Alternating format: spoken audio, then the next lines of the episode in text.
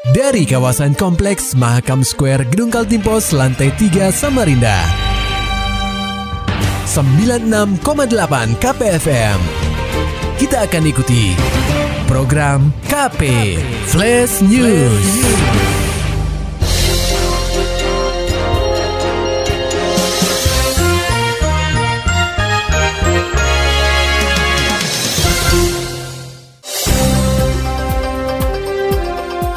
Anda sedang menyimak program KP Flash News bersama saya Agung Pratama. Pendengar KP, 186 jemaah haji kloter pertama asal Samarinda telah tiba di kota tepian pada Kamis 4 Agustus 2022. Kedatangan jemaah haji ini langsung disambut oleh asisten satu Setda Kota Samarinda, Ridwan Tasa, di Gor Segiri Samarinda. Ditemui usai kegiatan penyambutan, Ridwan Tasa mengatakan bahwa pihaknya bersyukur seluruh jemaah haji telah tiba di kota tepian dalam kondisi sehat. Berdasarkan informasi yang diperoleh, seluruh jemaah haji ini dinyatakan negatif COVID-19 setelah melakukan swab di Balikpapan. Memang pelaksanaan haji tahun ini dirasa kurang maksimal lantaran jumlah jemaah yang diperkenankan berangkat hanya sekitar 40% dari total kuota yang disediakan. Oleh sebab itu, Ridwan berharap jemaah haji yang berangkat pada tahun depan bisa lebih banyak dibandingkan tahun ini. Uh, untuk haji uh, yang tahun ini, uh, insya Allah akan tahun depan semakin meningkat jumlahnya dan tentu persiapan kita juga harus semakin uh, matang karena pada pada keberangkatan ini yang baru 40 persen dari yang seharusnya diberangkatkan ya itu jadi diperkirakan tahun depan karena di Mekah juga sudah dibuka secara keseluruhan sehingga eh, kemungkinannya tahun depan semakin banyak karena itu perlu persiapan kita lebih matang lagi untuk menghadapi eh, musim haji yang akan datang. Sementara itu, Kepala Kantor Kemenak Samarinda Baikuni menuturkan, secara umum proses keberangkatan hingga kedatangan berjalan dengan lancar tanpa ada kendala.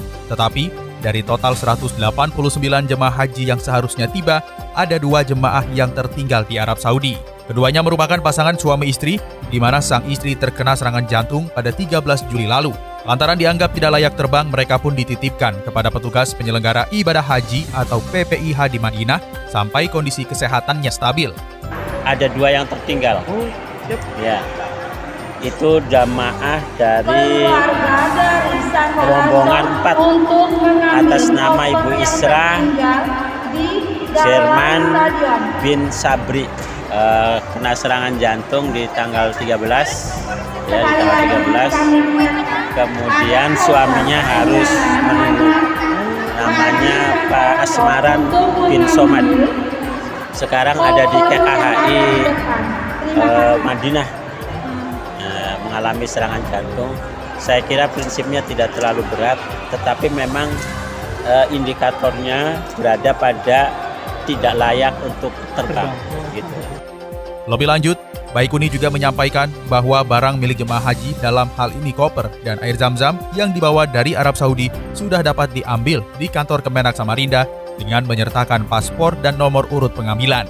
Pengambilan barang tersebut dapat diwakilkan oleh pihak keluarga terhitung sejak Kamis 4 Agustus 2022. Beralih ke berita selanjutnya, pendengar KP, peristiwa kebakaran melanda stasiun pengisian bahan bakar umum atau SPBU di Jalan Bung Tomo, Samarinda Seberang, Rabu 3 Agustus 2022, sekitar pukul 17.00 waktu Indonesia Tengah.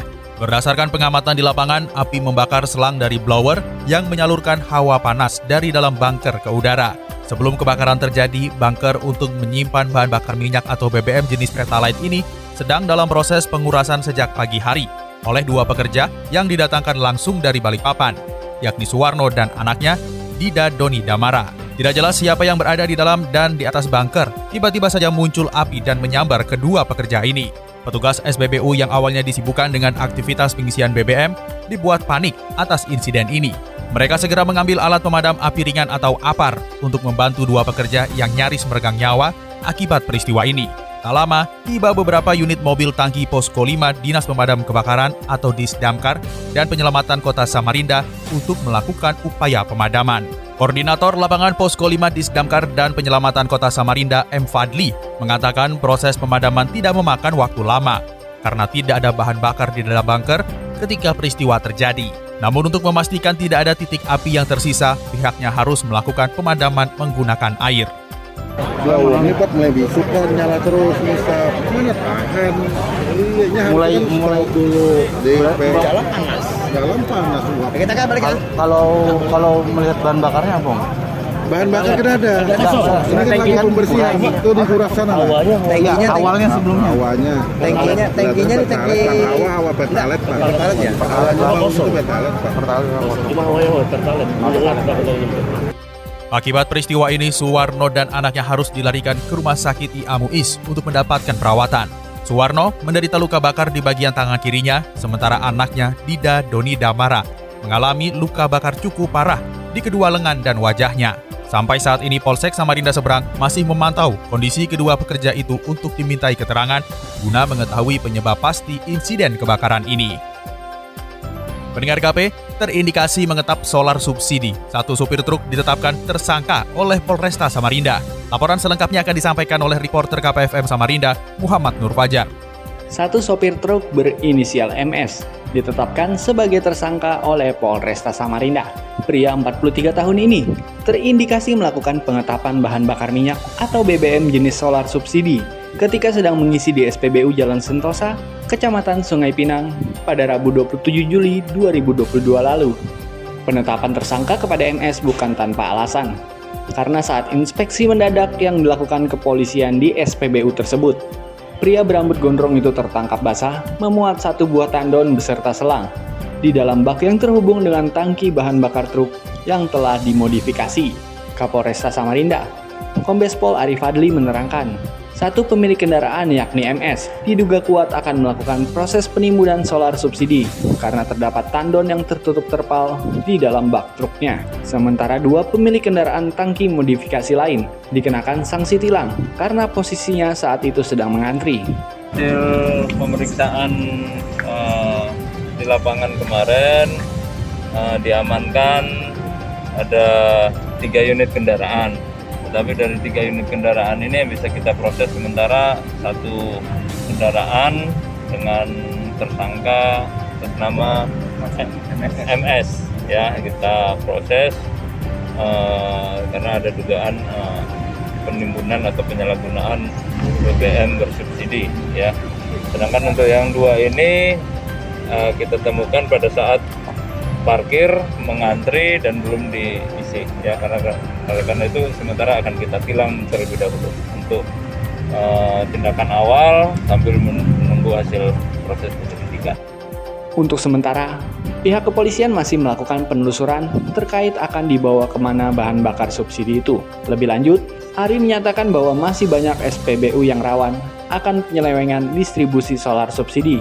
Oleh sebab itu, ia selalu mengarahkan jajarannya untuk mengawasi penjualan BBM subsidi agar tepat sasaran. KPFM Samarinda, Muhammad Nur Fajar melaporkan. Beralih ke dunia olahraga, pendengar KP Porprov Berau bakal mainkan 52 cabang olahraga. Beritanya disampaikan reporter KPFM Samarinda, Maulani Alamin.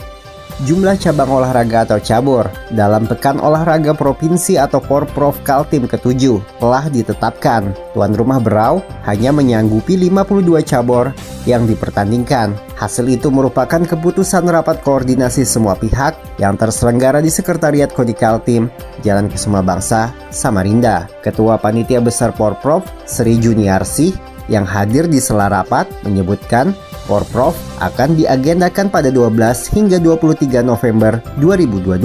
Wanita yang juga menjabat Bupati Berau tersebut menjelaskan lokasi pertandingan terpusat di Tanjung Redep. Ia berujar, sebagian venue akan melibatkan Samarinda dan Balikpapan. mengenai lokasi venue-venue yang menjadi tempat pertandingan Porprov yang ketujuh tahun 2022 antara lain di Kabupaten Berau yang titiknya itu di Tanjung Redep, Biduk-Biduk, Tanjung Batu, eh, Pulau Maratua, kemudian juga di Kota Balikpapan dan Kota Samarinda. Jadi eh, mengapa kami tetapkan di Tanjung Redep, Biduk-Biduk, Tanjung Batu dan Maratua supaya Bapak Ibu selain eh, mengikuti uh, Porprov, Bapak Ibu juga berwisata di Kabupaten Berau. Sementara itu, Ketua KONI Kaltim Rusdiansyah Aras berharap semua pihak dapat menerima keputusan yang diambil dalam rapat koordinasi tersebut. Proprov ke-7 Brau ini harus menjadi pekan olahraga provinsi pemersatu masyarakat Kaltim untuk Indonesia. Proprov Brau ini juga harus menjadi kebangkitan bangsa Indonesia dari pandemi COVID-19. Proprov Brau kali ini tidak saja kebanggaan masyarakat Brau, tapi juga akan menjadi kebanggaan kebanggaan masyarakat Kaltim. Dalam rapat yang dipimpin Wakil Ketua 2 KONI Kaltim Muslimin tersebut, juga ditetapkan bahwa jumlah 52 cabur itu masih bisa tersaring, lantaran harus melihat kesiapan daerah peserta Porprov.